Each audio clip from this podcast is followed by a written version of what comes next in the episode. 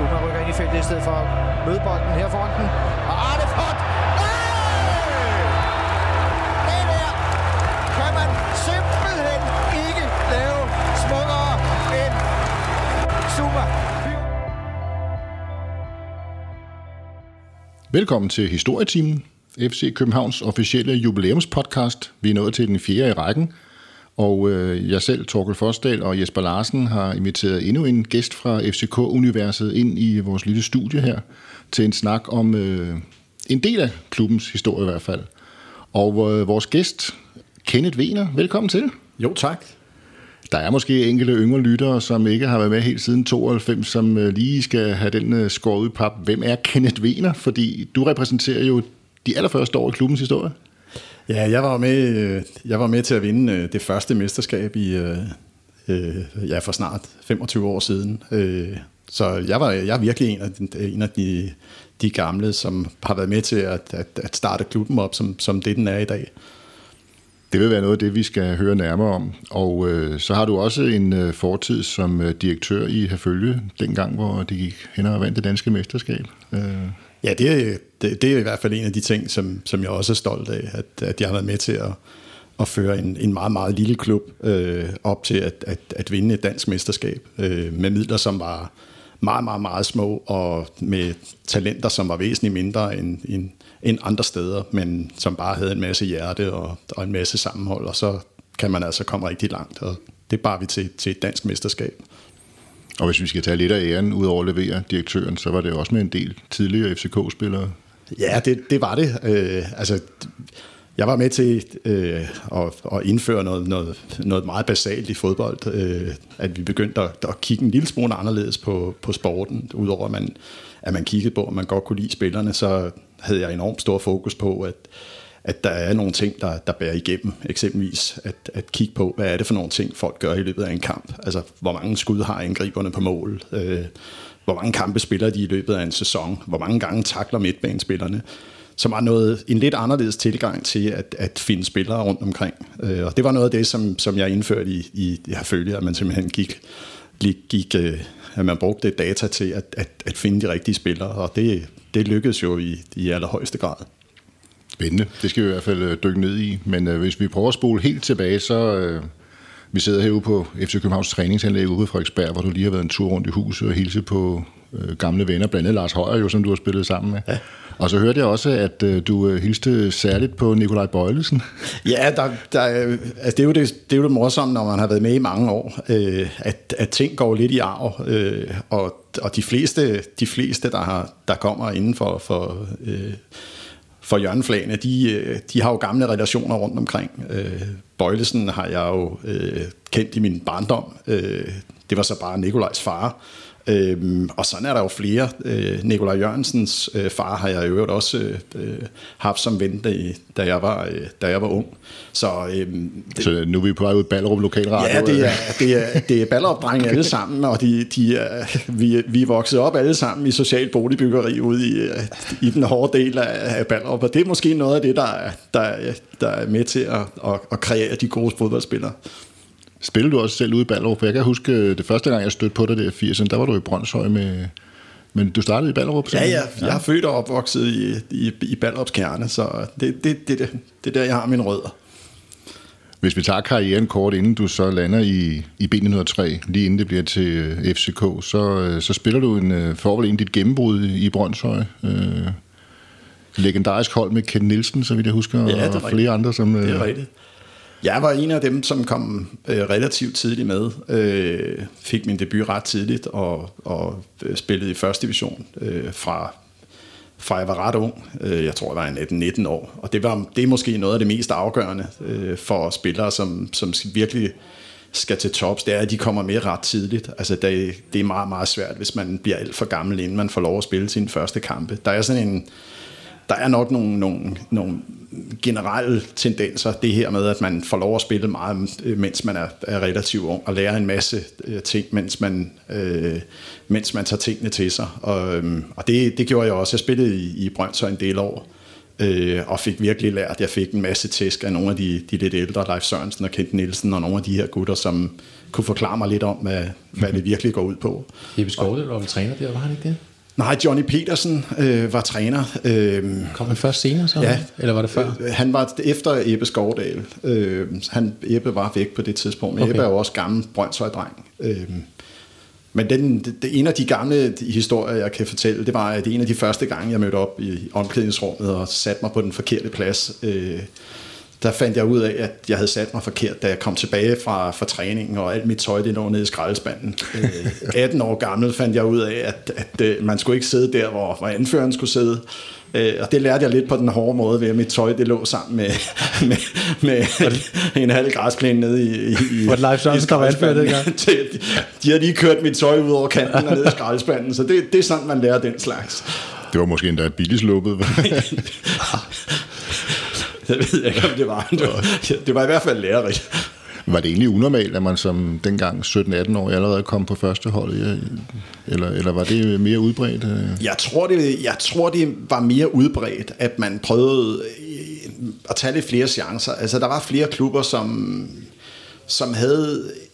Der var ikke så mange andre muligheder for dem, end at prøve at tage nogle af de her øh, meget unge talenter og prøve at se, hvad de kunne gøre dem til. Altså, det var mere almindeligt, at, at man var meget ung, øh, når man blev sat til at spille sine første kampe. Der er sådan en tendens til, at man gerne vil være helt sikker på, at, at folk vidder de øh, slår til. Og nogle af de lidt større klubber er, øh, selvfølgelig er de, er de underlagt et pres fra, for der skal præsteres nogle resultater. Det gør, at, at folk bliver lidt, øh, nogle gange lidt for gamle, inden de får lov at spille øh, øh, regelmæssigt. Øh, I hvert fald for deres egen udvikling. Jeg tror ikke for klubben, der vinder de flere kampe, hvis de der værd, men, men for os andre er det meget sjovt at se nogle af de, de store talenter, der virkelig udfolder sig. Så efter Brøndshøj, så rejser du over sundet til Malmø. Ja, så fik jeg muligheden for at, at, at komme lidt ud og kigge. Øhm, og jeg, Hvordan kom det i stand egentlig? Sådan jamen, det var... øh, Altså, jeg var jo en af dem, som, som øh, var højt i, i, i kurs, fordi jeg var relativt ung. Øh, Jeg var forsvarsspiller, og, og lidt, lidt mod tidens tendens, så kunne jeg også øh, spille spillet. Altså, jeg var ikke... øh, Øh, jeg var ikke verdens bedste forsvarsspiller, men jeg kunne tænke mig om, og jeg kunne få ting til sådan at ske, også frem offensivt. Og det var nok noget af det, som var lidt anderledes, øh, og noget af det, jeg var bedst til. Og det gjorde, at, at jeg var i relativt høj kurs i forhold til udlandet. Og, og så tænker jeg, jeg var 20 år, tror jeg, så tænker jeg, det skal jeg da prøve. Altså, jeg har altid sagt, at, at, at at man, man skal prøve det, man får. Øh, de muligheder, man får, dem skal man prøve af, og så kan man altid øh, finde ud af, at det, det bærer ikke så langt. Og så, når man har fundet ud af det, så skal man tage de samme konsekvenser, som, som øh, man tog, da man, da man prøvede det. Og det, det er sådan ret, ret god og ret hurtigt til at, at få gjort. Så der var sgu ikke så meget øh, sagt på fransk, jeg, jeg tænkte mig om det. Det var bare at prøve det, og så kunne jeg jo prøve at se, om jeg kunne klare det. Og faktum var, at jeg var ikke super god til det. Øhm, Jeg fik ikke spillet det, jeg gerne ville spille, øh, men det var sindssygt lærerigt. Øh, Det var også et stærkt hold, de havde dengang. Med, Jamen det var det, og jeg, jeg fik også en, jeg var i, i Schweiz og England også, hvor jeg øh, som, som type fik jeg, fik jeg slet ikke nok spilletid, men, men øh, som menneske lærte jeg at, at bo i, i andre kulturer, andre lande, og, og, og det, det tog jeg med mig, og jeg har ikke en dag fortrudt, at, at det var noget, jeg gjorde. Jeg har måske en dag lidt fortrudt bagefter, at jeg ikke øh, holdt lidt ved, men altså sådan er det jo altid. Øh, Fra Malmø, hvor du var med til at blive mestre faktisk med, under, Ja, Roy, under Roy Hodgson. Ja, så, det- som du siger, så, så ryger du til, var det Charlton? ja, ja, det var det nemlig. Og så til Schweiz bagefter? Ja, På, jeg, jeg, altså det, jeg roer ikke så højt, men jeg er faktisk en af dem, der har, der har, øh, der har vundet mesterskaber i flere lande. Øh, Og det, det, det, jeg synes, det har været en kæmpe, altså det har været kæmpe oplevelse, jeg har fået øh, på min vej gennem, gennem fodboldlivet. Øhm, og, og alle lande har jo noget specielt. Øhm, jeg kan jo, der, der er masser af, af, af gode anekdoter. Øh, der var en dag, en, en, en, en af mine kammerater kom ind, der spillede i England, og kom ud og kiggede, og, og han sagde til mig, hvad, hvordan foregår det der? Øh, så siger jeg, men det, det er lidt som i Danmark, øh, bare øh, gange med 10. Så siger han, jamen, øh, hvad, hvad, jamen du kan forvente dig alt. Så siger jeg, der er slåskamp cirka en til to gange om ugen, og det er altid ham den høje skotte, og ham den lille nære. De, de to, de slås altid. Og øh, ganske som jeg havde forudsagt om tirsdagens, til, til tirsdagens træning, så kom de op i et kæmpe slagsmål, og de blev så skilt ad. Og så siger min kammerat til mig, Nå, men er de dødsfjender? Nej, nej, de sidder ved siden af hinanden, og så drikker de altid, øh, de drikker altid en kop te bagefter træning, og bedste kammerater. Det var bare noget andet, øh, og dengang England, inden pengene kom, var et, et, et fantastisk sted, øh, fordi at folk virkelig spillede for livet. Mm. Altså det betød så meget for de unge folk, der kommer op uden uddannelse, og det betød bare, at træningerne, det var liv og død. Altså det var virkelig liv eller død. Og der var øh, altså interne slåskamp så tit, som man tænkte, det, det er bare normalt det her. Det er jo derfor, at mange af os, der er, er så gamle, vi er vokset op med tipslørte og engelsk fodbold, har måske et, et andet forhold til, til engelsk fodbold, end, end så mange har i dag, hvor det er jo nogle andre parametre, de, ja. Altså, det er jo fantastisk fodbold og store stjerner, ja. men det er en helt anden, næsten en helt anden sportsverden. Ikke? Det er det. det, det, er. Charlton i slutningen af 80'erne, det må virkelig have været the good old days for, på The Valley. Ja, ja men der, altså, og, og, der, der gik jo, altså nogle gange kunne der jo gå øh, flere minutter inden bolden den ramte jorden. Altså det var jo et fantastisk spil, som foregik op i 3-4 sals højde. Øhm, som, altså man skulle vinde sig lidt til, og hvis man havde sine, sine tænder og sine øjne kær, så, øh, så, så var det ikke et spil for, for en. Det kan jeg godt sige, for der blev virkelig gået til den jeg nåede, jeg var et lille års tid, og jeg tror, jeg blev syet tre eller fire gange, mens jeg var der, og det var helt normalt. Alle forsvarsspillere, de, øh, altså øjenbrynene, de, de sprang for, altså, for et godt ord, fordi det var bare spillet, altså, Øhm, det er rent Gert Bo jo. jamen det, det var det vidderligt. Altså jeg blev, jeg blev skadet i en kamp. Øh, der var en stor, øh, en stor angriber i Arsenal, som, øh, som fik ramt på mig, og det eneste træneren sagde til mig bagefter, det var, at, at det var min egen skyld, fordi jeg ikke havde mødt bolden, jeg var blevet stående på jorden, og så havde jeg øvrigt ikke løftet albuerne. Og det, sådan var stilen bare, altså der, der var ikke noget, øh, det var råt, øh, og det var godt. Det må være ligesom at spille mod Peter Møller, men det kan vi vende tilbage til. En lille, det var en lille cliffhanger her. det var akkurat som Møller. Det vender vi tilbage til. ja. Fra England, så går turen øh, ikke... Ja, så er du en tur i Helsingør, inden, øh, inden du lander ud på Lyngbyvejen hos Bilen 103. Hvad, hvorfor lige Helsingør, som er vel er et stykke ned i rækkerne på det tidspunkt? Jamen, øh, da jeg skulle hjem igen, så øh, talte jeg med, med den legendariske Frank Mathisen, øh, og han sagde til mig, at de skulle bruge en, en forsvarsspiller, om jeg var interesseret. Øh, men det kunne først blive fra, øh, jeg kan ikke huske, hvornår tidspunktet var, men det var på et bestemt tidspunkt, det kunne blive. Og så siger jeg, men det, det vil jeg smadre gerne. Øhm, men så skulle jeg jo bare, øh, så skulle jeg et andet sted hen og gå lidt på græs, om jeg havde lyst til at, at starte i Helsingør i de første, øh, jeg tror det var 5-6 kampe eller sådan noget. Okay, på den måde. Og så, øh, så sagde jeg, men det, det ville jeg smadre gerne. De lå til oprykning, havde i øvrigt et, et superhold øh, med også nogle rigtig dygtige spillere, så, så det ville jeg gerne. Så jeg spillede, en, jeg tror 5-6 kampe eller sådan noget for, for Helsingør, inden jeg, jeg startede træerne. Frank Ryborg har jeg læst mig frem til, gammel legendarisk spillende træangriber. Jamen, der var meget. Var, var, var, jamen, de, ja, der var mange Brøndby-spillere på græs deroppe. Brian Jensen, øh, som ja, spillede på den. Ja, Rasmussen spillede også deroppe på et ja, tidspunkt. Der, ikke? Der var, det var et rigtig, et rigtig godt hold som vi, og vi røg også op. Øh, jeg ved ikke, om de, lige så, om de var lige så gode altså, dengang, som de er nu. Det, det skal jeg ikke udtale mig om. Men det er så i januar 91, du kommer til Binden 3, ja. øh, hvor der så stadigvæk er... Ja, der er vel snak om FC København på det tidspunkt, eller hvordan oplever du det, når du kommer udefra? Øh?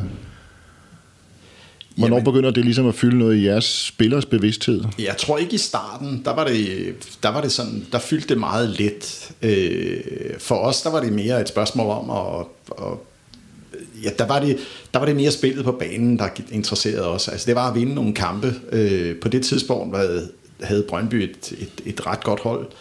Øh, og det var det eneste, vi tænkte på. Det var, hvordan, hvordan søren får vi, hvordan får vi slået dem? Altså, for det var jo dem, der var, sådan, var de det, det var dem, der var holdet, man skulle slå, hvis man skulle vinde. Så det var nok mere det, vi gik op i, og mm. tænkte nok ikke så meget over, at Nå, nu kunne vi nok komme et andet sted hen, eller der var noget fusion eller et eller andet. Øhm, altså i, i, i B03 på det tidspunkt var, øh, var det Alex Friedman, som var den, var den store mæcen, og det var ham, der sørgede for, at, at træerne kunne, kunne overleve ude på, på Lyngbyvejen. Øhm, og for os var det sådan lidt perifært, det der med, at, at man snakkede om forretningsmodeller for en, en fodboldklub. Altså det var, det var mere det der med, at vi skulle spille om søndagen, og vi skulle bare vinde nogle fodboldkampe. Ja, er vel først i efteråret, at det for alvor begynder at komme frem også i offentligheden, at der er de her konkrete planer. Altså i efteråret 91. Ja. Og det er jo lige omkring det tidspunkt, hvor, hvor hvad skal man sige, B03 for alvor øh, kulminerer, kan man vel næsten sige, med de her berømte kampe i Europa, hvor, hvor Ja. først og fremmest Bayern-kampen. Ja, og det er rigtigt. Og, jeg, øh, og, og på det tidspunkt har, har vi jo øh, skabt en god basis for, for et rigtig, rigtig godt hold. Øh, også internationalt. Øh, Du spiller sweeper sammen med Ivan og... ja, det var jo enten Picnic. Diego eller Picnic, ja. øh, som spillede nede bagved. Øh, og vi havde sådan et, et tremandsforsvar, som de fleste spillede øh, tremandsforsvar på det tidspunkt. Øh, 3-5-2, det var sådan systemet, man spillede. Øhm, og, og, og det var det, alle klubberne de egentlig øh, bar over imod. Øhm, og der var jeg den, den, den midterste spiller, øh, kan man sige. Det, det, som vi måske gjorde lidt anderledes, det var, at, at de forsvarsspillere, vi havde på det tidspunkt, øh, var fantastiske. Altså, jeg, øh, altså vi, vi kommer, jeg, jeg er blevet bedt om at lave et hold, og en af dem, som jeg spillede sammen med, havde fornøjelsen af, er måske den bedste forsvarsspiller, der nogensinde har spillet i dansk fodbold, øh, Ivan Nielsen, øh, havde jeg fornøjelsen af at spille sammen med, øh, som udover at være sindssygt klog forsvarsspiller, øh, også havde nogle, øh, nogle offensive kvaliteter, som var fantastiske. Øhm, og også en, en super god, øh, super god øh, holdspiller. Øhm, og det, det var jo noget af det, som var, var med til at løfte B03 i, i høj grad. Altså, der kom nogle spillere med, som faktisk havde, havde stor international kvalitet, mm. og det gjorde, at vi kunne slås med ude i, i Europa, selv blandt, øh, selv blandt ret gode hold. Øh, Det må man sige. Prøv lige at tage os tilbage til den tirsdag i oktober. Tirsdag eftermiddag på Gentofte Stadion, hvor Bayern München med Søren Lerby i spidsen løber på banen. Jamen, det var, det var, det var en eftermiddagskamp, hvilket var lidt mærkeligt. Øh, men det var, det, det var jo noget med tv-rettigheder, som vi spillere i øvrigt ikke gik så højt op i. Det eneste, vi gik op i, det var, at vi skulle møde de der, og de var, de var sikkert fantastiske. Øh, banen var sådan lidt, lidt våd, og det, det, var, det var sådan et småkold øh, oktoberdag. Øh, og alt var egentlig fantastisk. Øh, der var bygget nogle tribuner på... Der var over 14.000 på Gentofte Stadion. Det, det, surrealistisk, lyder altså. utroligt. Men Og, og altså også efterfølgende, så alle har jo set den her øh, kamp, øh, og alle kan huske, og alle har et forhold til. Øh, og jeg har talt med mange sådan meget fodboldinteresserede. De kan alle sammen huske, hvornår, hvor de var, da det her det skete, og altså, som var sådan lidt mærkeligt. Men, men summa summarum, vi, vi vidste ikke rigtig, hvad det var, vi gjorde, men vi gjorde en masse ting rigtigt i hvert fald, og øh, da der manglede et par minutter eller sådan noget, vi førte 6-1, og vi tænkte, det her det er virkelig mærkeligt. Altså. Og vi scorede på næsten alle de chancer, vi havde, og de havde i øvrigt ikke ret meget. Øhm, og det var fuldstændig surrealistisk, fordi alle dem, vi spillede mod, de hed et eller andet, som man kendte fra, fra tv. Øhm, desværre fik de scoret til sidst, og så vi kun vandt 6-2, men vi førte faktisk 6-1, og det burde den være blevet. Men vi, det, det blev 6-2. Og så kiggede vi fra banen, og så, så kiggede vi lidt på hinanden og tænkte, det er godt nok strange det her. Jeg har aldrig prøvet det siden, øh, hvor det har været lige sådan, men, men, men det var en fantastisk oplevelse, og vi, vi har den jo stadigvæk, når vi mødes, så kan vi jo stadigvæk hive den der frem og blive enige om, hvordan det var, øh, alle de der forskellige mål. Og det fede ved den der oplevelse var, at vi scorede jo alle sammen. ja, du scorede også. Ja, ja, ja. Jamen, det er det, jeg siger. Alle scorede. Det er jo lidt med i spillet der. Så du også, Du har scoret, hvis du Ja. var med. altså kunne du være blevet træner for Bayern i jeg, hvert jeg, fald huske, dagen efter. jeg kan huske kampen i, øh, jeg, jeg så også kampen ude på stadion mm. dengang, og jeg kan huske, det sjove ved den kamp, det var jo, at øh, det var øh, Tommy Troelsen, der var kommentator, rigtigt, ja. sammen med Brian Laudrup, der var Det er skadet. rigtigt, ja. Okay. Ja, det er faktisk meget sjovt. Ja. Brian spillede nemlig i Bayern Ja, på det men tidspunkt. han havde, var korsbåndsskadet, Ja. tror jeg, ikke? Og lige på vej tilbage. Det var meget sjovt, det der. Han- Det ville aldrig ske i dag jo, at en af vores spillere, der var skadet, sad og var medkommentator til en kamp. Jo. Men de tog det slet ikke seriøst. Altså, fordi nej, nej, nej, nej, det kunne man godt se. De dagene, det var, ikke, det var slet ikke noget. Nej. Det, det Hvad blev returkampen? Jamen, vi øh, blev... Tabte vi? 1-0. Vi tabte 1-0, ja. ja. Øh, der, der, vi holdt stand i meget, meget længe. Palle, Palle P., Palle Plankeværk, han stod øh, fantastisk kamp. Altså, han, han, han tog alt, for at sige det mildt. Jeg vil tro, at vi kunne have bagud med 3-4-5-0 efter, efter 20 minutter. Altså, det, vi, er blevet, vi er blevet flået. Altså, de spillede fantastisk. Altså. Men vi fik holdt stand, og vi fik reddet på stregen, og vi fik taklet, og vi fik gjort ved, og den stod 0-0 til der manglede, jeg tror faktisk, at tiden var næsten udløbet, da, øh, ja. og så fik de scoret, øh, og så gik øh, Palle P., han gik helt amok på en af tvillingerne, fordi jeg kan ikke huske, om det var Michael eller Martin, fordi at Michael havde tabt bolden. Jeg tror, det var Michael, der havde tabt bolden op på midten. Altså, og vi var bare sat så meget under pres, men det Palle, han, han skulle i hvert fald have placeret den der et eller andet sted, så det var... Ja, det var vel Palle i nødskal. Ja, ja, ja, ja. Der, var, der var ikke så meget. Altså det, og det er, jo, det er jo noget af det, der ikke har ændret sig. Altså det her med at, at, at ville vinde, øh, det fandtes jo også, øh, og det, altså det var jo akkurat det samme dengang, som det er nu. Altså der var jo stadigvæk de der typer, som virkelig, virkelig, virkelig brændte for at, mm. at vinde. Og jeg, jeg tror faktisk, det var anderledes før i tiden. Altså hvis man ser på nu og så før i tiden, jeg tror, der, der var en anden man kan ikke sammenligne tids, Nej, tidsalderne, men der er bare en anden vinderkultur dengang, end der er i dag, eller vin, vindermentaliteten var, end der er i dag. Det, det er min helt klare overbevisning, når man har fulgt det så mange år. Okay. Ja, det kan godt være. Ja. Altså, jeg, jeg har svært ved at... Altså, jeg kan bare, jeg kan bare sige, at der var... Altså dem, jeg spillede sammen med, der vidste vi godt, at jamen, lige nøjagtigt de her. Altså vi, det er jo meget på et hold, har man jo forskellige roller. Altså der er jo nogen, der, altså, der spiller en rolle, når tingene begynder at gå lidt skævt. Altså så er der nogen, der spiller en bestemt rolle, og når det, når det går godt, er der nogle andre, der spiller roller. Øhm, og Palles helt store, øh, en fantastisk evne, han havde, var, at uanset, om, uanset hvad der stod på tavlen, så, så tog han hvert, hvert et skud, hvert et mål, det tog han med 100% alvorlighed. Altså det, det var, han har en, en mentalitet, som rigtig, rigtig mange godt kan kunne ja. lære af. Det, det er helt sikkert. Øhm, men Bayern-kampen, den, den husker han tilbage på som altså virkelig, at der er nogen, der, der var en, der begik en fejl i hvert fald, for ellers så havde de ikke scoret. Det er, altså, jeg har tit tænkt tilbage på det på den måde, at de første mange år i FCK's historie var vi jo mildt sagt ikke særlig succesfulde ude i Europa. Nej. Og spoler man bare et år tilbage og suger lidt på B103's meritter, så var det jo stort set det samme hold, som, som kommer helt i kvartfinalen, ikke? Ja. og som altså godt kunne præstere i Europa. Ja. Ikke? Og det kan man så ikke leve højt på det lange løb, men, men det er lidt vildt at tænke på. Det er fuldstændig det samme hold, som vi stod lige og kiggede på et holdfoto op og ovenpå. Det er vel kun Ugo de Lorenzo, som ikke kommer med over i FCK næste sommer 1992. Ja. Altså det er fuldstændig den samme trup. Øh. Det er det. Det er, og det ville også, altså det ville også være, være mærkeligt, fordi på det tidspunkt, da, da B103 og KB øh, blev slået sammen, var KB jo ikke øh, noget særligt godt hold, øh, mildt sagt. Og, og B103 var måske det bedste eller det næstbedste hold i Danmark, og det, det var svært. Altså, og det er det jo helt generelt, og det er jo også noget af det, som øh, når, når folk spørger mig det der, hvad, hvad er forskellen på at spille på et tophold og spille på et bundhold? Altså, det, det, det er meget sværere at spille på et tophold. Det er meget sværere at spille for FCK, end det er at spille for, for et, et, Jamen eksempelvis, altså fordi der er et meget anderledes pres på, at de spillere, som, som spiller, øh, har en helt anden, altså de har en helt anden nerve og en helt anden intensitet. Det betyder ikke, at de vinder kampene, men, men der er bare et meget, meget større pres på at spille på, på, på førsteholdet.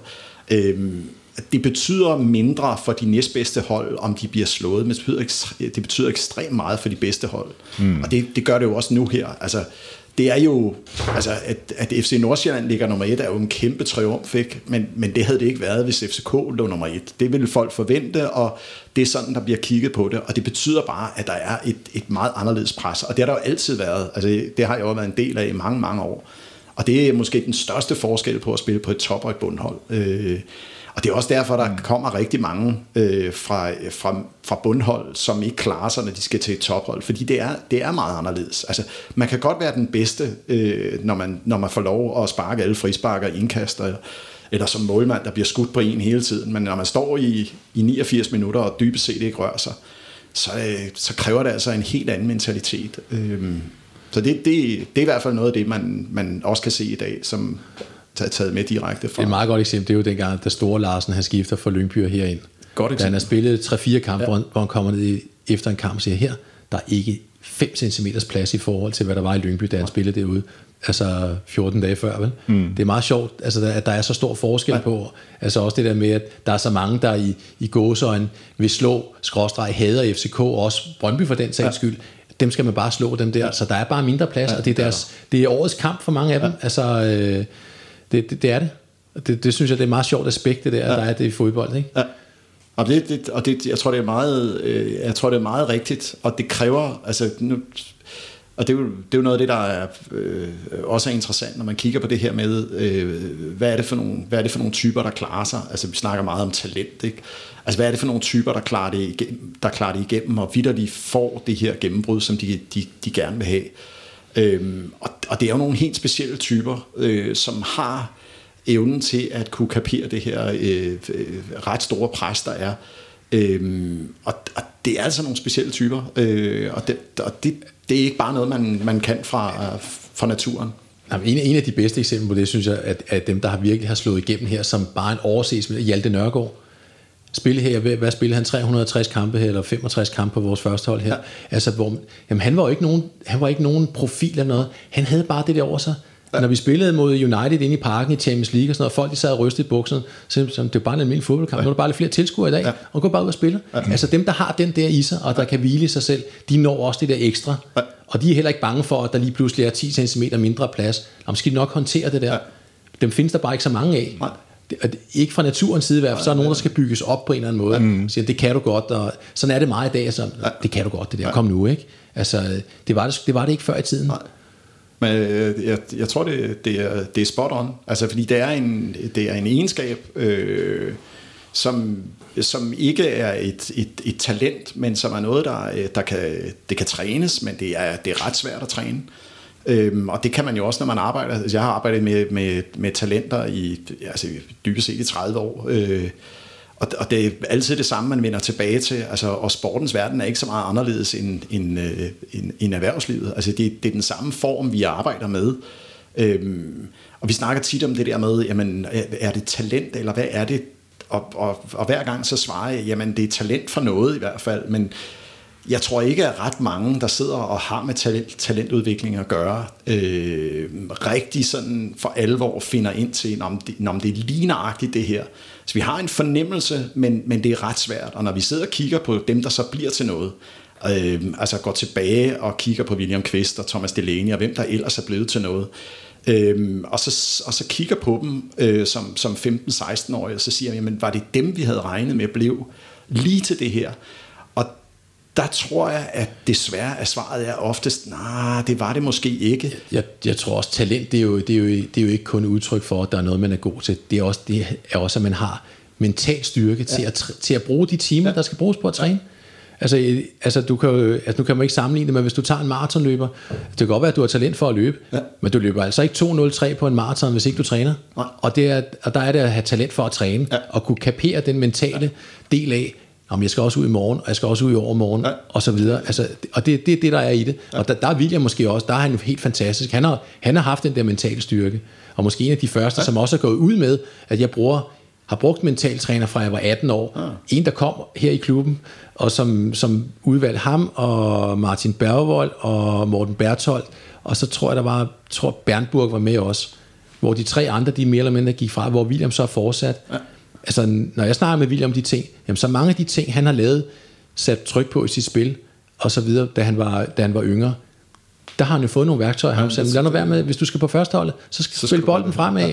Nu skal den ikke spilles tilbage hele tiden. Du skal ikke sikre hele tiden. Du bliver nødt til at vise, at du har noget ja. andet. Og det, det, det tror jeg, det, det, det er noget af det der med, det er, også, mm. det er et talent også, ja. at kunne omstille sig til noget andet. Ja. Og det, og det tror jeg er meget rigtigt. Og det, nu er har jeg talt med en, en del med Lars Højer om det her med, med talentet. Ikke? Hvad, hvad er det lige, de kan?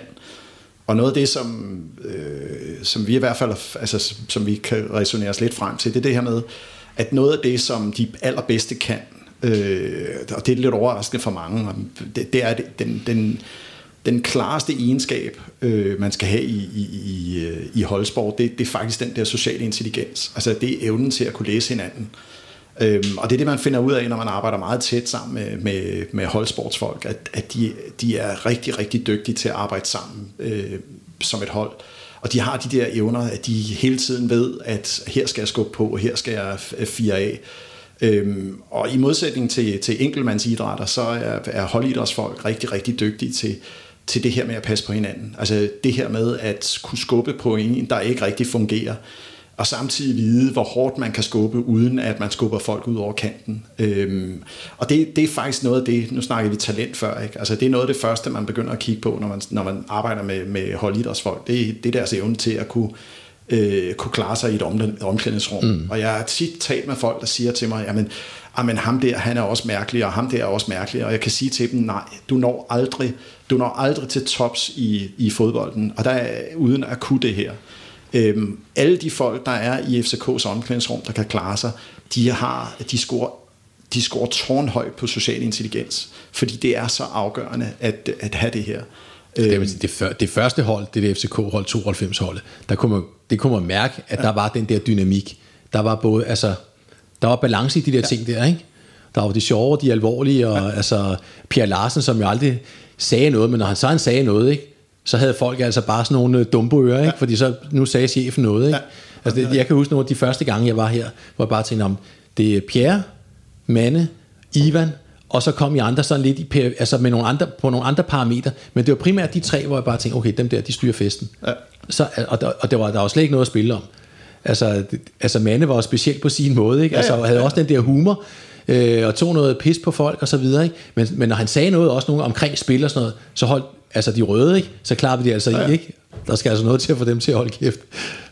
Det er jo sindssygt spændende, hele den øh, øh, talentdiskussion, men, øh, fordi talent kan jo være mange forskellige ting, men nu snakker I netop om det her med, hvordan man reagerer i et omklædningsrum. Måske kunne du sætte ord på, hvordan I netop reagerede i omklædningsrummet i slutningen af ben 3 æraen hvor I først på ret kort tid smider en pokalfinal og en guldfinale, og egentlig ender uden noget som helst. Noget som helst. Ja. Jamen det, det, det, jeg, det, var, det var sgu en hård periode for, for os alle sammen, også fordi vi, altså vi, havde, vi havde et virkelig godt hold. Øhm, men det er sådan, når tingene begynder at gå lidt skævt, så er det, det er altid nemmere at tabe øh, kamp nummer tre, når man har tabt de to første. Og det, og det var også lidt det, der skete her. Ikke? Altså, vi begynder at blive bange for vores egen skygge. Øh, og det er jo også det, som jeg kunne se med, med, med FCK her i starten øh, af året. Ikke? Altså, det, det er når først det begynder at gå, lidt, øh, gå en lille smule skævt, så sidder man og kigger efter de her typer, ikke? og øh, alle ved det godt, og det er ikke nødvendigvis dem, der spiller øh, bedst på banen. Øh, det er sådan nogle lidt specielle spillertyper, som de fleste læner sig op af. Altså det er typisk folk, som er øh, Øh, stille. Øh, det er dem, man sådan godt kan lide at, at bevæge sig rundt om. Altså dem, der selv er lige så stresset som en selv. Det er sjældent dem, der er, og det kan sagtens være den aller, aller bedste spiller på holdet. Øh, men dem, man leder efter, det er tit dem, der er, der er stille og rolige, som kan tage luft ud af et omklædningsrum. Og det er nogle meget specielle typer. Øhm, og det, det, det er bare sådan, når man, når, man, når man, der er nogen, der ejer et omklædningsrum, og de behøver ikke nødvendigvis at spille. De er typisk lidt ældre, øh, og et, et godt eksempel, øh, øh hvad hedder det, øh, uden at være alt for dybt inde i det, en, en William Quest for eksempel på, på holdet nu, har det her i sig at være en lidt stille type, som øh, er uundværlig i et omklædningsrum, fordi når folk er nervøse, så kan de bare sætte sig over ved siden af, og så vil de finde ud af, at det går nok alligevel alt sammen. Men så skriver vi 1. juli 1992, og det er så måske en af de kampe, som øh, ikke har været den vigtigste i hele karrieren, men som jo dog alligevel var vores øh, fødselsdato. Kan du huske noget fra, fra den Toto-kamp mod Grasshoppers? Øh, jeg ved, du var med, det kan jeg se på de gamle negativer. jeg, jeg, kan huske, jeg kan huske, vi vandt. Altså nu, vi skulle sådan lige... Jeg, jeg kunne ikke huske, hvad den, første, hvad den første kamp var. Nu fik jeg at vide, at det var på Østerbro, og jeg tænkte, om det er rigtigt. Og jeg kan faktisk godt huske, at, øh, at Søren Lyng scorede. Øh, jeg kan ikke huske begge mål, men jeg kan faktisk godt huske det ene. Øh, Søren Lyng fik desværre ikke øh, så mange kampe på FCK's hold. Fantastisk spiller også. Et, et super godt venstreben. Jeg kan huske, at øh, hypen var relativt, øh, relativt stor. Der blev, vi prøvede at gøre noget ud af det.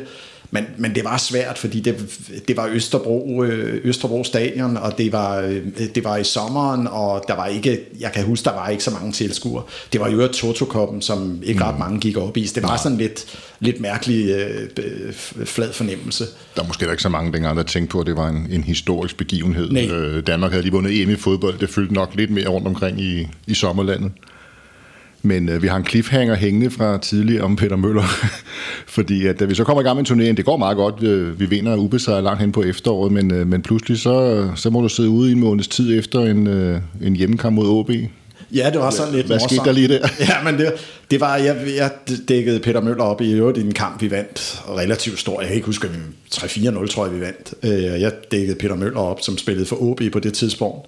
Og øh, jeg lavede sådan en, en, en lang glidende takling, og Peter var, han var, kom, han var i godt humør den dag, som vi plejer at sige, når, når albuerne var løftet lidt for højt. Men det her var, øh, han, han trådte simpelthen ned i knæet på mig, øh, og de var bag 3-0 eller sådan noget. Og øh, efterfølgende, når jeg har sagt til ham, så siger han, det var ikke med vilje. Men alle, der kender Peter Møller, ved, at øh, det var, han var lidt indenbrændt på det tidspunkt. Så jeg fik, øh, en, jeg fik en meget stor, øh, nærmest et hul i, i, lige over knæet. 32 sting blev jeg syd med, og var, jeg, jeg var væk i meget, meget lang tid. Øh, og mistede, jeg tror, jeg var væk i 3-4 måneder eller sådan noget, fordi det blev ved med at, at gik, der var komplikationer i sår og alt muligt. Men det er den, så stadigvæk, når jeg, øh, når jeg har kort bukser på, så, øh, så kan jeg stadigvæk se øh, Peter Møllers underskrift på, på mit knæ. 32. 32. Det er 32 stik. Ja, jeg beklager, at vi ikke lige hævde den frem, da vi havde Møller i studiet, så kunne, jeg, så kunne jeg have fået lov at give en undskyldning videre. Men, det var ikke med vilje. Nej, det havde han ikke gjort. Han kan slet ikke huske Nej, det. han har, sikkert, han har glemt alt om Han har glemt alt om Han spillede ikke den kamp. Nej, jeg var slet ikke med, nej. Men det går godt, øh, og du kommer også tilbage igen heldigvis, og er jo stort set fast mand med, øh, med Diego og, og Kraus og, og Ivan, når han ikke er skadet også. øh, Og det ender også med, med den legendariske guldkamp ude Ja. i Brøndby og, og et Ja. mesterskab. øh. Så der var den, kan man sige, året efter. Det, Ja. må, det må jo også vidne noget om, om et eller andet ergærighed og styrke. Siger, okay, vi, vi missede både tabte en pokalfinale, og vi tabte en guldfinale til Lyngby, men så hentede vi den året Ja. efter, selvom det var en anden øh, iklædning af, af FC København. Jo, men jeg kan huske, da vi tabte, vi tabte guldfinalen øh, til Lyngby øh, året før, og, øh, og alle var jo altså virkelig, vi var virkelig chokket over, at vi kunne tage alt, og vi tabte pokalfinalen, og, som, og så mesterskabet bagefter. Og så var de, nogle af de gamle drenge, øh, Pierre og Ivan og undertegnet, et par, par mere, vi satte os ind en stille stund. Øh, der var afslutningsfest, og så satte vi os ind, og så gav vi hinanden håndslag på, at næste år, så, øh, så skulle vi altså ikke stå i den her situation, at vi skulle, afgø- at vi skulle tabe sidste kamp. Så der blev vi bare enige om, at den skulle bare, det skulle bare hele øh, alt, hvad den kunne trække, og det fik den også. Altså, vi, vi var klart det bedste hold det år, selvom vi var ved at smide lidt til sidst, men, men vi vandt i, ude i Brøndby den næste sidste kamp, så, så var den lukket. Det var der, hvor man halverede pointene. Ja, ja, det var fuldstændig Altså, altså, Ja, fra grundspil til slutspil. Ja, ja. ja. Vi vandt, øh, vi havde, jeg tror da vi sluttede, havde vi 12 eller 14 point mere end, end de andre. Det var kun fordi, man halverede, mm. Ja. at der var nogle af de andre, der kom i nærheden. Så er du i klubben en sæson mere, og den ender jo så til gengæld igen med, at vi går glip af guldet på sidste spil Ja, øh, over i, i ja. Odense, hvor, hvor vi bare, bare går, så han skulle have vundet. Men, Ja. men på det tidspunkt, der er du øh, et stykke fra holdet. Ja. Øh, hvad, hvad sker der i, i løbet af den sæson? Jamen lidt, som jeg også er inde på, det, det, det her med at spille for, for et tophold kræver, at man er ikke bare 100%, men at man er 110. Altså når først man mister noget kadence, enten af den ene eller den andens årsag, så er det svært at være med. Altså, øh, og jeg var meget skadet. Altså, jeg, vi var inde på, på den med, med, med Peter Møller før, som holdt mig væk i lang tid. Jeg ødelagde ledbåndet ikke så lang tid efter. Og når først man har været væk sådan 6-7 måneder i rap, så er det svært at komme tilbage. Og så mister man, man mister lidt gnisten, og det var nok det, der skete til sidst. Der siger man, så øh, så tror jeg, jeg, jeg prøver på noget andet. Og det var nok også altså et, et, et klogt valg, som jeg, som jeg egentlig startede med at sige, at på et tidspunkt skal man også bare sige, jeg har spillet, øh, jeg tror, jeg har spillet 10-11 sæsoner på, i den allerbedste række, øh, og måske spillet 300 kampe. Jeg ved ikke, om 330 er bedre end 300. Det var det ikke for mig i hvert fald. Og så var det ligesom om, at når først jeg har sagt, nu, nu, nu er det nok, så, så hiv jeg stikket der, og så, så tænker jeg, nu, nu skal jeg gøre nu skal jeg gøre erhvervskarriere i stedet for at, at spille 30 kampe mere i den bedste række. Så, så det var egentlig sådan meget den korte historie. Så det var ikke Baresi og Company, der skal have hele skylden, øh, Ej, det, det hvis var du det forstår ikke. en lille Ej, reference. Ja, ja, ja, ja og det er, jo det, det er jo det spændende ved, ved, ved sport, ikke? at, at det, er jo, det er jo med til at gøre en til den, man er øh, meget hurtigt. Vi skal måske lige fortælle lytterne, at vi taler om den øh, hjemmekamp mod AC Milan ja. i efteråret 93, hvor vi er bagud 3 efter et kvarter, tror jeg, og Ja, vi blev- kørt rundt på røv og albu, og Ja, du bliver, om, om ikke flået ud, så i hvert fald skiftet ud efter 20 minutter eller sådan noget. Ja, jeg tror, øh, ja, En eller anden skulle have skylden for- det Jeg tror, helt 34 minutter eller sådan noget fik jeg, og vi var bagud 3-0. Men undskyld, kunne han ikke have taget hele holdet ud? Altså, Jeg tror ikke, der var noget sådan... Øh, altså, det, det- det var, vi mødte et fantastisk hold. Jeg kan huske, at Brian Laudrup, han spillede højre kant. Han var deres tredje bedste valg på højre, øh, på højre midtbane, bare lige for at give mm. en indikation af, hvor godt holdet var. Øh, de, de vandt øh, Europacupen, eller det der hed, det der mm. hedder Champions League nu, over øh, Barcelona 4-0 i finalen. Det var et fantastisk hold. Altså, vi var, vi var ikke i nærheden af noget. Altså, det, vi blev bare maltrakteret. Efterfølgende har det været sådan, der har det været sjovt at kunne kigge tilbage på, at man virkelig har mødt måske et af de aller, aller bedste hold nogensinde i, i, i Ja, de historien. var rimelig gode i den periode. Der, men Ja, det var det. det der, der var vi ikke i nærheden. Det havde af Parken holdt jo også med Milan. Ja, det var, det var, det, det var lidt surrealistisk, men Det var- det er fair nok. Det var andre tider. Men det bliver til, øh, jeg vil ikke sige kun, men det, det bliver til de her to sæsoner i, i FC København, og, øh, og ikke voldsomt meget spilletid i det sidste forår, som, som du lige har været inde på. Og så er det vel øh, i forbindelse med kontraktudløb, at du skifter, eller bliver du solgt, eller hvad sker Nej, der? nej, det, det var kontraktudløb. kontraktudløb. At, Ja, ja. Og så drager du sydpå til Herfølge? Ja, så, så tænker jeg på det tidspunkt, nu vil jeg prøve, øh, nu, nu vil jeg prøve noget andet, så vil jeg øh, slippe fodbolden på højeste plan. Øh, vi havde nogle, jeg havde nogle muligheder for at fortsætte i, i det jyske, og jeg spurgte min kone på det tidspunkt, siger, hvad, har du lyst til at bo i Jylland? Og der gik præcis 8 sekunder, så var den øh, fejret bordet. Og jeg havde heller ikke rigtig selv lysten. Altså, ja, det var, altså, been there, done that. Øh, Ja, for Herfølge ligger jo en division under, og er vel sådan... Et, jeg tror, de lå to under faktisk, da, Ja. da jeg startede Ja. dernede, og startede med at træne to gange om øh, ugen, og i øvrigt med rigtig mange af mine gamle holdkammerater fra, øh, øh, fra FCK på det tidspunkt, Søren Lyng og flere andre. Øh, et fantastisk hold, og vi trænede to gange om ugen, som jeg siger, og, og så vandt vi 6-0 om, i weekenden, så det var jo nemt nok. Ja, Kim Mikkelsen var vel også Ja, det var- Kim Mikkelsen og ja. Ken Birkedal. Og, Gjolbas skifter også på et tidspunkt. Øh, ja, det er, det er senere, ikke? Henrik Lykke. Ja, Jamen, der, er, der er rigtig, rigtig Ja. ja. mange. Vi, øh, og så øh, havde vi et par gode sæsoner, og der, det var jo hverken værre eller bedre, end vi, vi rykkede relativt hurtigt op. Øhm, og vi trænede jo stadigvæk to gange om ugen. Øh, og jeg tror, at efter to sæsoner, så var jeg med til at spille, øh, spille herfølge i den, i den øh, bedste række. Og fik også, øh, jeg, blev- jeg blev direktør, øh, da jeg havde brokket mig nok, så blev jeg direktør på et tidspunkt, da øh, jeg tror, jeg var den første ansatte, og så byggede vi det ellers op. Og så, Var det, hvis du stadig spillede, eller det var, der var Ja, også- det var det faktisk. Nå, spillende direktør simpelthen? Ja, det, det, var... øh, Det vidste jeg ikke. Og jeg fik, jeg så har faktisk, øh, jeg, jeg øh, spillede min sidste kamp på Brøndby Stadion. Øh, vi vandt øh, 3-2 med at følge. Det er et godt punkt, Og, jeg- og jeg fik scoret på straffe, så det er jo ikke helt... Nej, så, så øh, fik jeg muligheden for også at stå på den anden side og være med til at bygge et hold op øh, med de, øh, kan man sige, næstbedste øh, spillere, fordi vi havde jo ikke råd til de allerdyreste, men øh, det betyder ikke, at man ikke kan vinde. Øh, det kan man faktisk godt. Og vi havde øh, et, et, et par rigtig, rigtig gode sæsoner. Øh, og jeg kan huske stadigvæk, at, at drillede Flemming Østergaard på det tidspunkt med, at, at, øh, at vi faktisk i øh, fire ud af fem år sluttede bedre end FCK, øh, på trods af, at vi måske havde en tiende del af budgettet. Ja, hvordan, ja, altså, det, hvordan var det at sidde øh, i, i en anden klub på det tidspunkt, og så kigge på det, der foregik inde i, i København? Altså, vi, vi har været igennem nogle af de perioder, også i andre podcast. Det, jeg ikke sige, det sejlede, vi vandt et par pokaltitler, men, men, men det var dårlige sæsoner. Det, det må have været lidt underligt at sidde og kigge på udefra. Hvad, hvad tænkte man? Sad man og grinede og tænkte, det der, det Nej, bliver aldrig til noget? Eller, Nej, eller? det gør man ikke, men men jeg tror, øh, på det tidspunkt, så... øh, Altså, jeg, jeg, jeg går meget op i data. Jeg synes, data er, er, er vigtige i, i sport, og især når folk har en holdning til, hvem det er, der vinder kampe. Altså, jeg har en lidt anden holdning til, til selve det at, at, at, øh, at kigge på fodbolden. Øh, Jeg går meget op i, hvem er det, der gør hvad, øh, og hvornår. Altså, kampe bliver, fodboldkampe bliver vundet af folk, der spiller på banen, øh, og det er altså antallet af minutter, man er på banen, man kan gøre en indsats. Og øhm, det handler om, at de roller, man spiller, hvis man er angriber, skal man skyde på mål. Øh, hvis man er forsvarsspiller, så skal man forsvare. Men der er rigtig mange, der mudrer vandene. Altså, øh, vi, vi kommer lidt tilbage til det her med, med, øh, med gode spillere. Øh, noget af det, som, som var med til at gøre FCK fantastiske her for, for en sæson eller to siden, var jo, at, at øh, modstanderne havde svært ved at lave mål, fordi forsvarsspillerne var forsvarsspillere. Altså, det helt store gennembrud for Sanka var jo, da han begyndte at opfatte sig selv som forsvarsspiller først og fremmest. Og det er altså sindssygt vigtigt, når man kigger på, på fodbold, at de roller, man spiller, dem skal man spille 100%, og det er det, man skal evaluere sine, sine spillere på. Ikke om man har en dygtig tekniker, der kan spille højre bak. Nej, han skal altså forsvare, og det er det, han skal vurderes ud fra. Så er det sekundært, at han så også øh, er en dygtig spiller. Øh, det er også rart.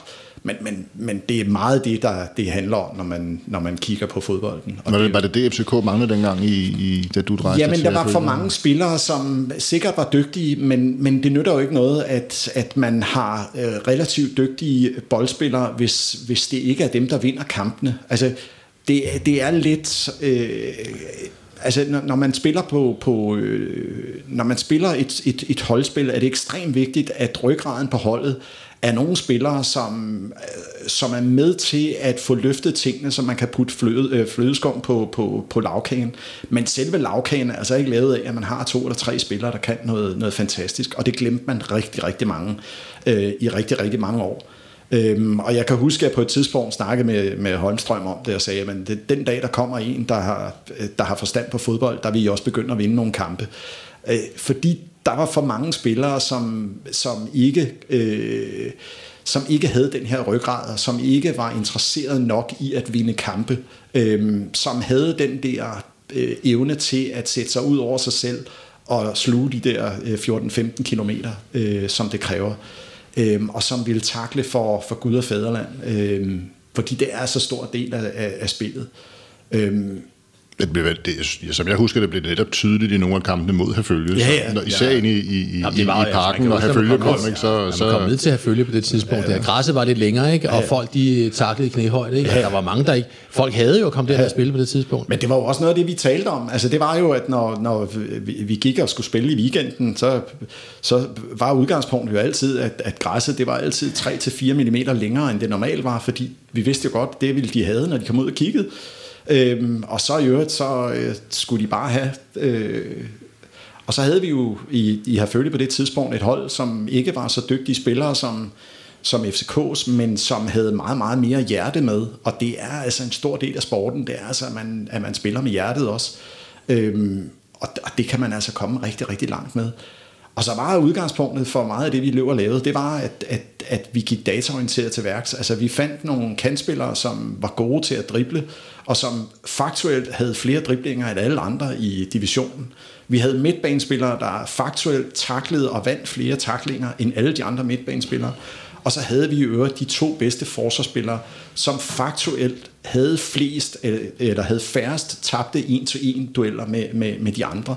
Så der var ikke så meget... Øh, øh Altså, det var ikke, der var mange, der sagde, at det var held.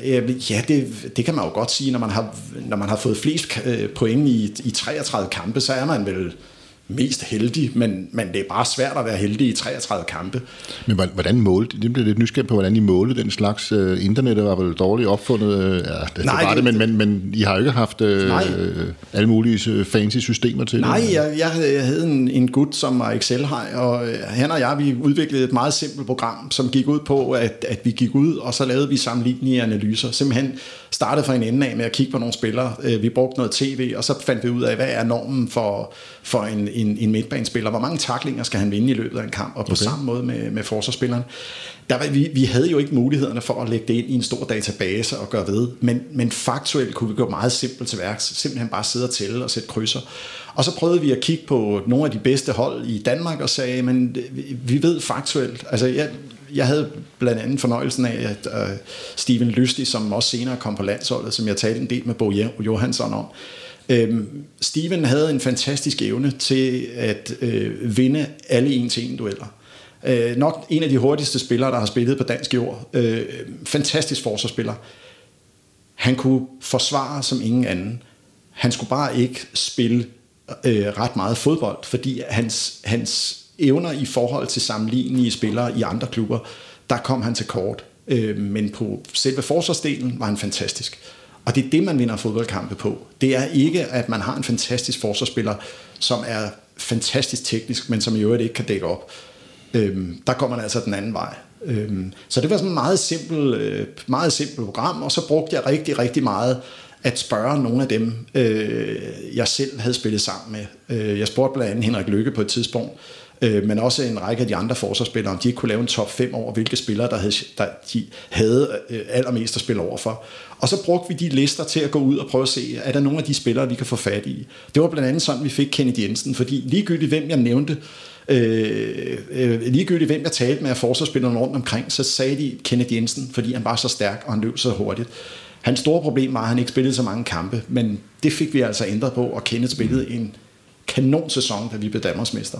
Kenneth Jensen, som kom fra B909 til FCK ja. og var i en periode ja. uden rigtig at få sit noget specielt gennembrud, men, ja. men rigtig nok kommet ned og blev et ja. stort hit i herfølge. Jeg ja. huske øh, meget godt eksempel, et godt eksempel. Ja. Han var en af de spillere, der, der vandt allerflest, eller som havde allerflest driblinger i en kamp. Øhm, og det, det gør bare, at man, at man vinder fodboldkampe. Øhm, og, og det er den måde, altså nu er det jo blevet helt normalt, altså når jeg snakkede om med, med, med Lars Højer lige før, altså det er jo helt normalt, at man bruger alle de her analyser nu, når man skal ud og hente spillere. Det var der altså bare ikke for, for 20 år siden. Der var ja. ingen, der gjorde det. De synes vi var mærkelige, altså de synes jeg var mærkelig, at det var måden at gribe det an på. Man kan sige, der så kommer for der også en træner ned, som også er en vinertype. Faktisk, han, han var jo en vinertype, eller det er han jo stadigvæk. Ja. Yeah. Altså, øh, som, som også formentlig ændrer på nogle, nogle indstillinger hos folk. Ja. Altså Faxe var jo heller ikke nogen øh, sindssygt dygtig fodboldspiller, nej, nej. teknisk fodboldspiller, nej. men han kunne altså godt øh, han kunne forrest, ikke? Ja. Jo, det er jo det, det handler om. Altså, hvis man har øh, rigtig mange spillere, som gerne vil nogenlunde det samme, og, og, man, er, og man, man er enige om, at det her det er målet, og det her det er det måde, vi gør det på, øhm, så, så kommer man altså rigtig, rigtig langt. Øhm, og det, Men du kunne vel så også, for nu også at relatere til det, du har beskæftiget dig med i mange år siden inden for erhvervslivet. Du tog ret tidligt en, en, en uddannelse. Øh, det må også have hjulpet dig i forhold til at kunne se nogle af de ting øh, og bruge nogle af de værktøjer, som måske ikke var så moderne i fodboldverdenen dengang. Nej, det er helt, sikkert. Altså, det var jo, altså, jeg vil være altså jeg havde slet ikke, jeg havde slet ikke holdt ud at, spille, at være i sportens verden, hvis jeg ikke havde læst ved siden af. Altså, øhm, jeg var jo, jeg blev kantmærke i, mens jeg spillede for, for FCK i 94, tror jeg. Øhm, og, og selvom det var, det var sindssygt svært, så var det så stor del af mit, mit liv, Øh, og den måde, jeg så på mig selv som menneske, at, at det, det var bare sådan. Altså, vi, vi har jo grinet af det øh, meget siden, ikke? det der med, at jeg altid sad nede bagved med en bog, ikke? eller øh, med min, øh, med min forelæsninger i ørerne.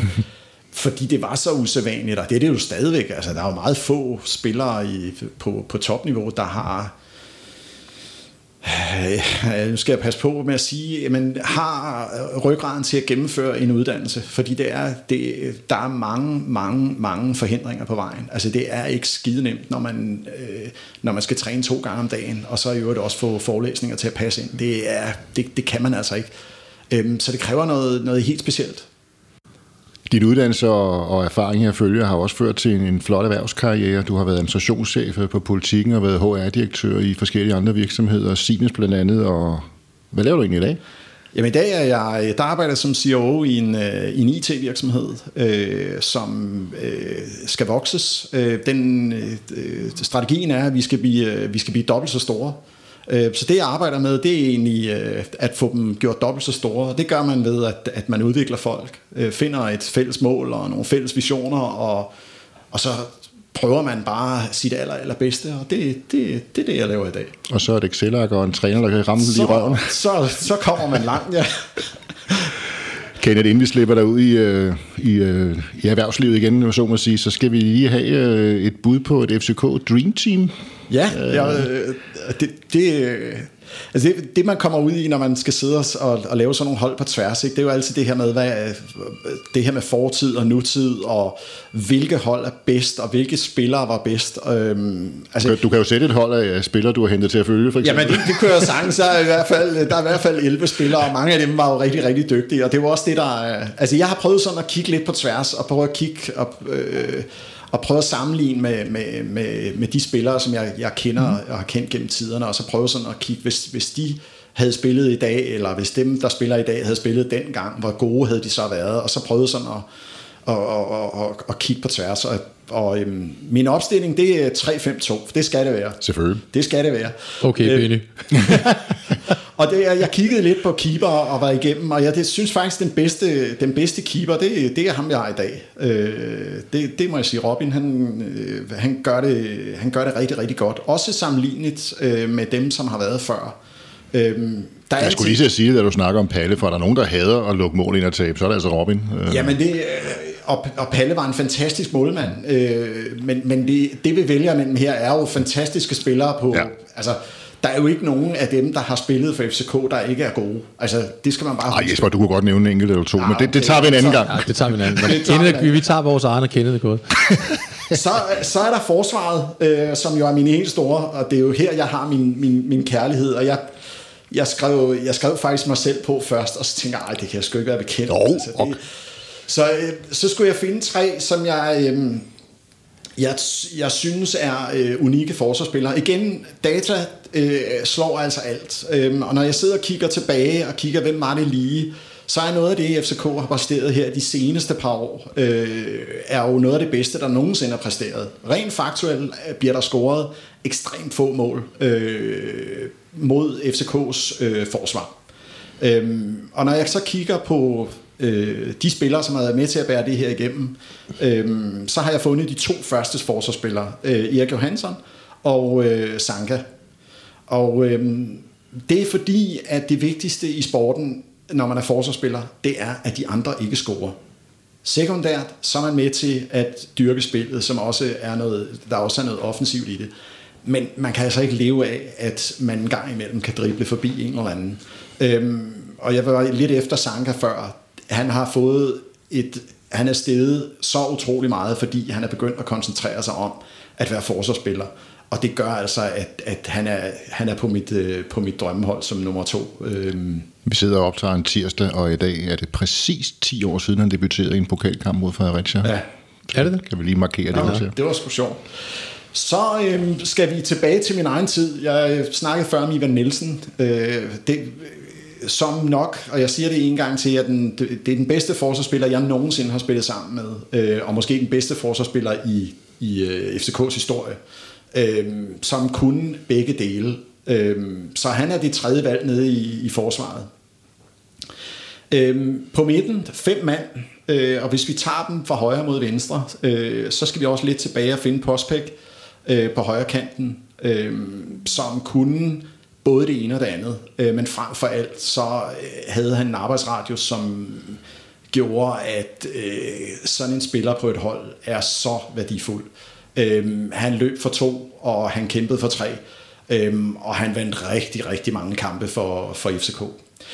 Øh, på defensiv øh, højre side, øh, Peter Nielsen, min gamle kammerat fra, øh, øh, fra Borussia. Øh, en af de, jeg har spillet, jeg har haft fornøjelsen af at spille sammen med ham, øh, også som boys og der var han ikke, der var han ikke meget dårligere.